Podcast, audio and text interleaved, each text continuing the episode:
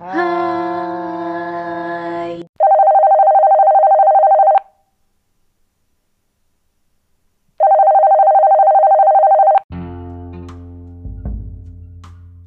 Hai sayang. Halo sayang. Sayang gimana kabarnya? Kakinya gimana? Kan kemarin habis operasi.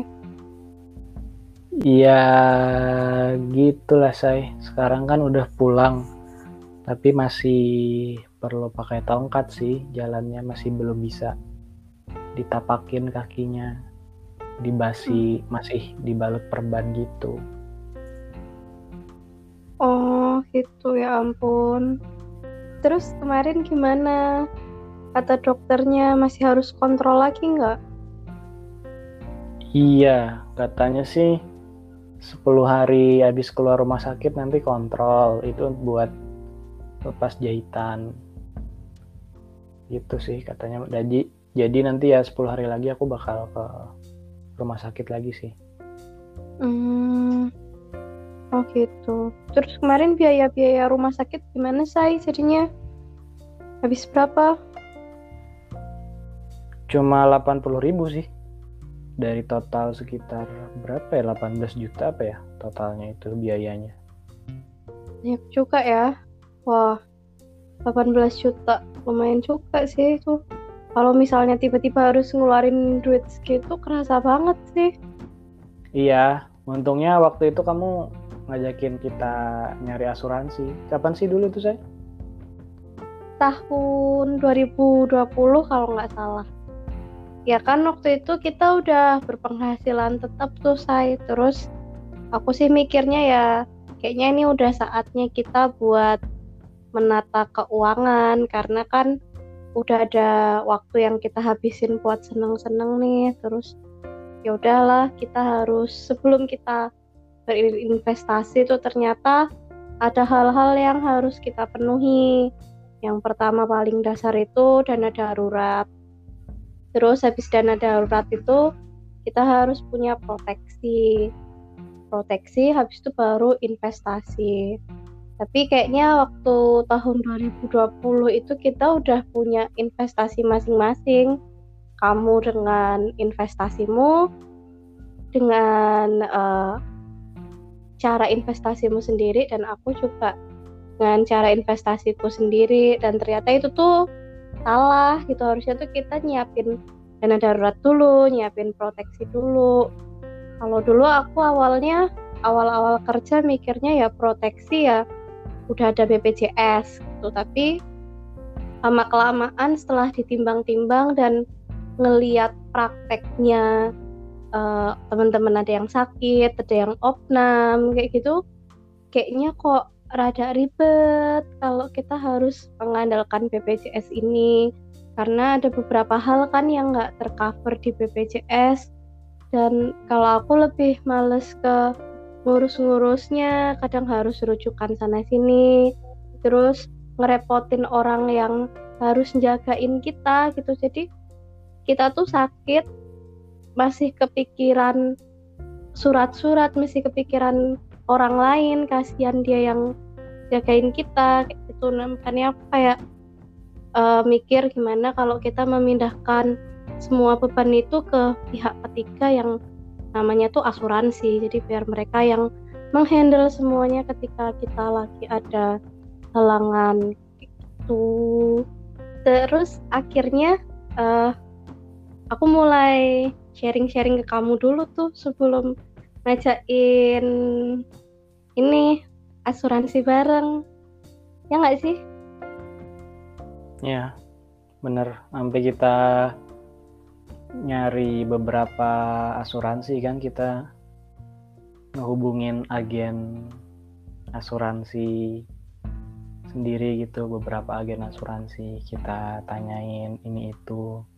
Dan juga kita sempat riset juga dulu sebelumnya asuransi sebenarnya kayak gimana. Terus kalau mau nyari kalau mau nyari asuransi itu mesti nyiapin apa aja istilah-istilah asuransi kayak premi terus polis gitu-gitu kan kita cari-cari dulu.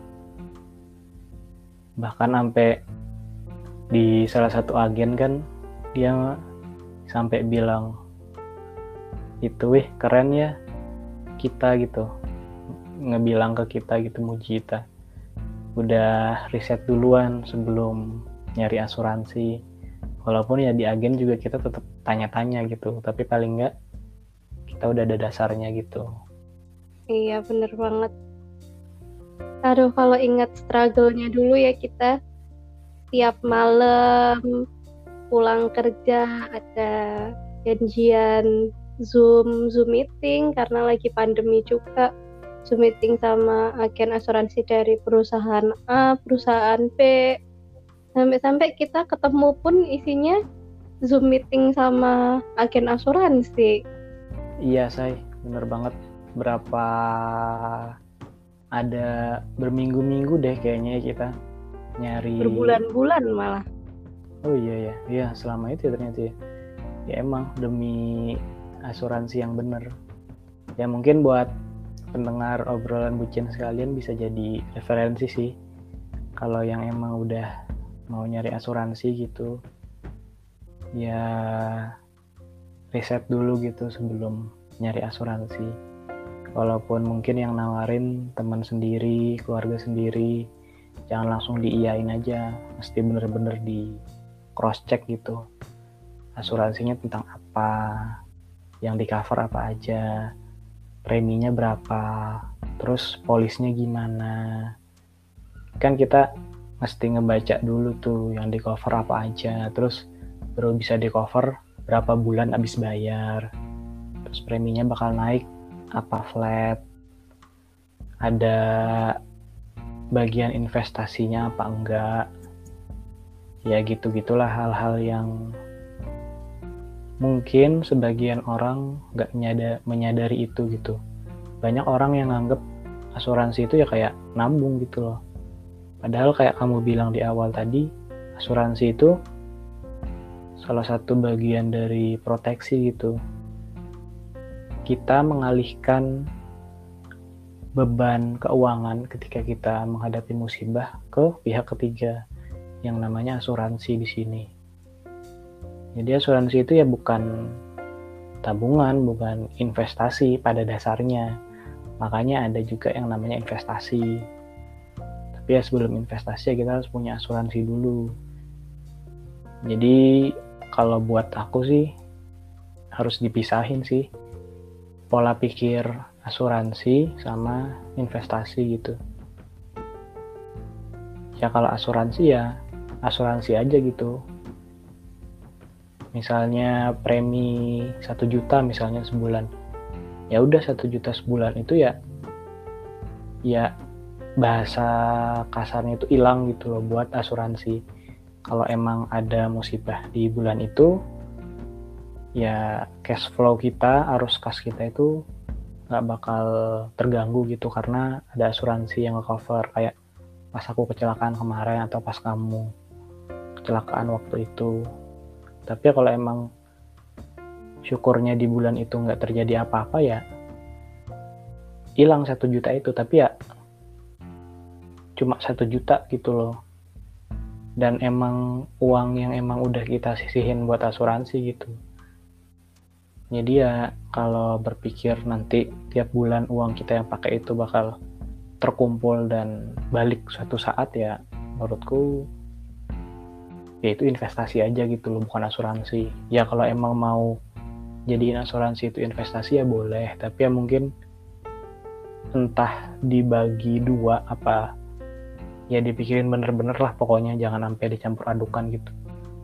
Kan banyak tuh yang nganggep asuransi itu kayak nggak penting nggak guna malah rugi. Ya mungkin karena mereka anggapnya sama kayak investasi gitu loh atau nabung gitu loh. Padahal kan asuransi bukan buat nabung gitu. Dia proteksi. Gitu sih. Dan risetnya bahkan kalau buat nyari yang bener-bener kayak aku sama Lucky berbulan-bulan gitu buat nyari asuransi yang pas buat preminya yang sesuai yang bener-bener ngecover sesuai keinginan kita gitu. Walaupun cuma untuk sekedar asuransi gitu ya mesti benar-benar dipikirin sih karena kan asuransi jangka panjang gitu loh. Bertahun-tahun berpuluh-puluh tahun malahan. Lagi kita kan juga ada asuransi jiwa ya yang mengcover pas kita meninggal gitu. Yang itu ya pengennya lama gitu dari sekarang. Berpuluh-puluh tahun kemudian. Jadi ya jangan sampai salah pilih sih. Karena ya walaupun pengen ilang uangnya kita anggap hilang gitu loh tiap bulan kita bayar tapi ya jangan sampai tiap bulan bayar bayar bayar bayar eh ternyata nantinya nggak sesuai keinginan kita. Ujungnya gitu loh. Jadi tetap harus diperhatiin sih ya bener banget. Apalagi kan uh, aku sendiri ya aku tuh punya pengalaman uh, dulu keluarga aku pernah salah pilih asuransi. Jadi kayak bukan kena tipu sih tapi asuransinya bangkrut. Nah aku tuh um, waktu awal-awal tahu asuransi juga jadi tuh udah buruk gitu loh pandangannya. Udah kayak apa sih ini asuransi? Kayak sesuatu hal yang nggak jelas gitu. Makanya buat masuk ke asuransi itu butuh waktu lama buat aku memantapkan hati pikiran dan jiwa buat kayak oke okay, uh, ini kayaknya momen yang tepat ini asuransinya kayaknya tepat. Pasti teman-teman pernah baca atau mungkin dengar dari kisahnya orang lain tentang hal buruknya asuransi yang uh, tiba-tiba uangnya hilang atau um, nawarinnya ada investasinya tapi uangnya nggak balik katanya bisa cuti premi terus nanti tiap bulan dapat uang tapi ternyata enggak gitu. Awalnya aku takut karena aku mendengar hal-hal buruk kayak gitu cuma begitu aku udah riset dan tahu konsepnya ini asuransi seperti apa konsep dari konsep dasarnya gitu jadi aku ngerasa kalau oh mungkin orang-orang ini tuh salah paham.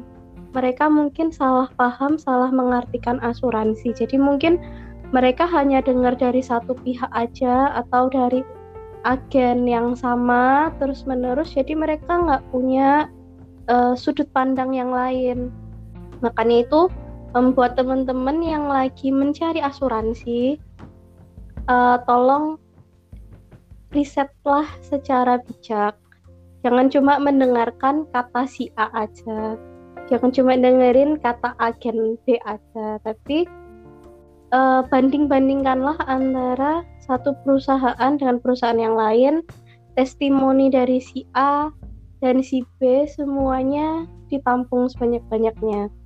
Tapi jangan cuma dengerin kata orang aja, tapi kalian harus riset sendiri, cari dasarnya, cari di Google atau mungkin di YouTube tentang apa itu asuransi. Jadi kalian benar-benar dapat ilmunya dapat, testimoni dari mana-mana tuh dapat. Jadi kalian bisa memilih asuransi dengan lebih bijak lagi. Jadi biar nggak kena tipu-tipu, biar nggak ada kesalahpahaman antara yang disampaikan agen dan juga yang kalian pahami.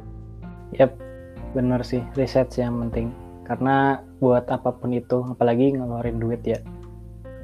Terutama buat teman-teman yang udah berpenghasilan pasti ya tahu susahnya nyari duit.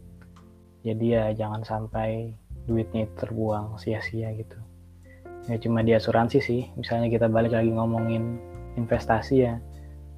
Kan banyak tuh rame investasi bodong bahkan kemarin investasi saham yang sebenarnya nggak bodong yang bener gitu loh investasinya.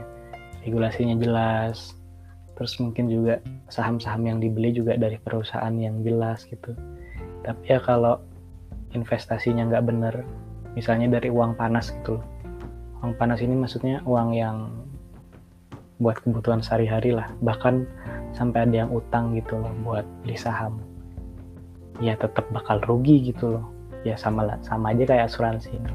Buat teman-teman yang udah mantap pengen asuransi pengen nyari asuransi cari yang bener riset yang bener dulu. Ya kalau bisa tahulah konsep asuransi yang bener itu kayak gimana. Kadang di kitanya yang salah kadang juga emang agennya yang dalam tanda kutip nakal gitu loh.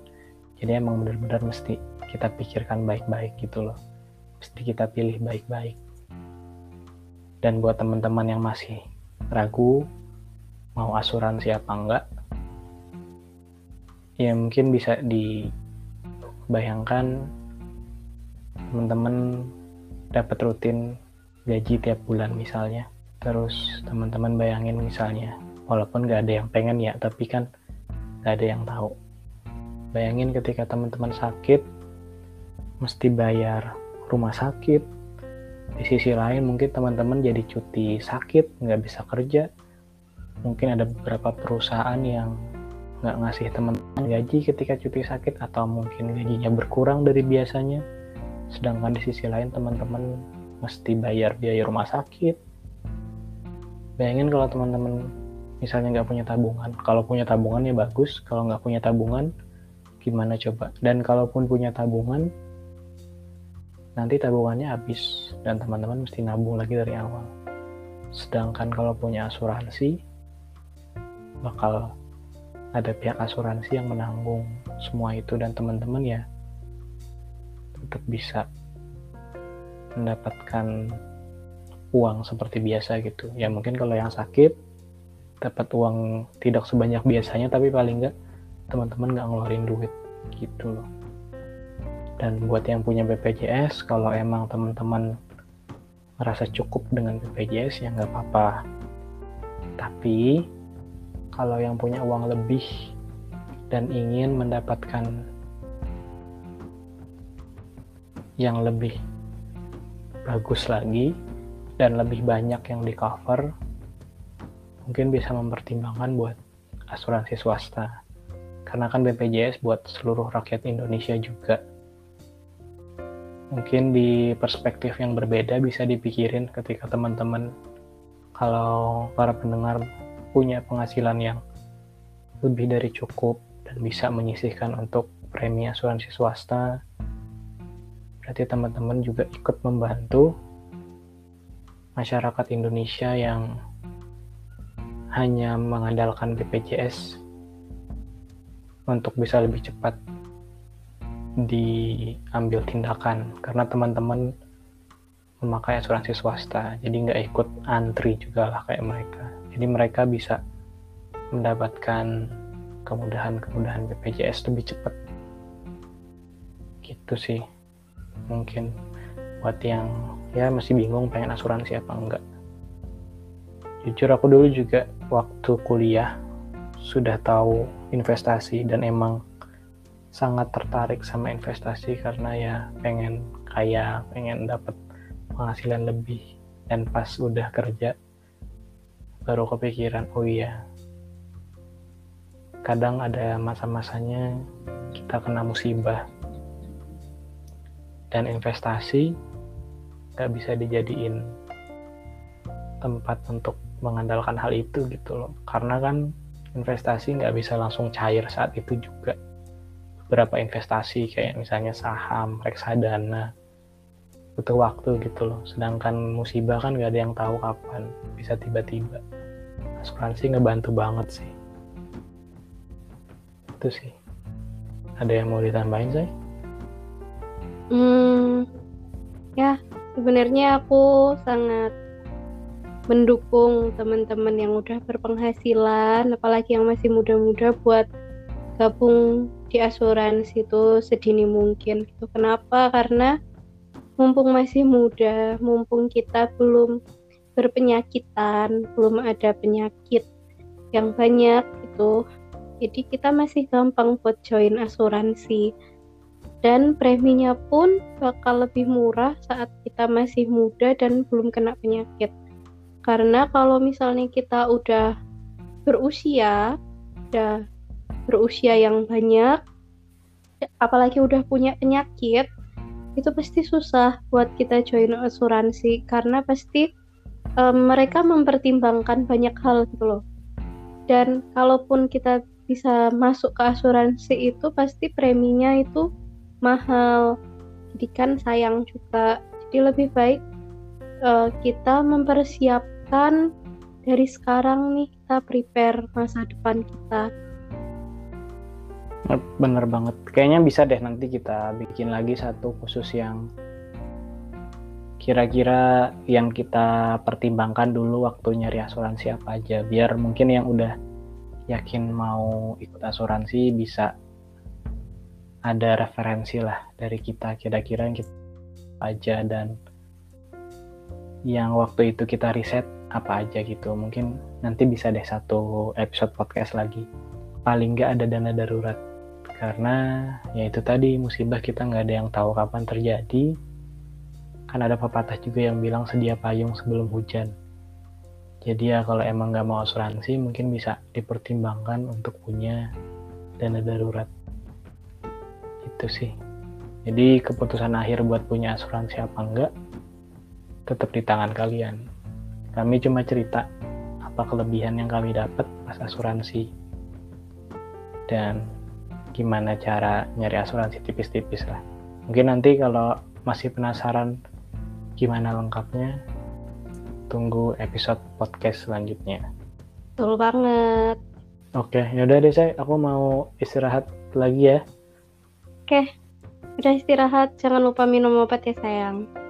Oke dadah sayang. Dadah. Hmm.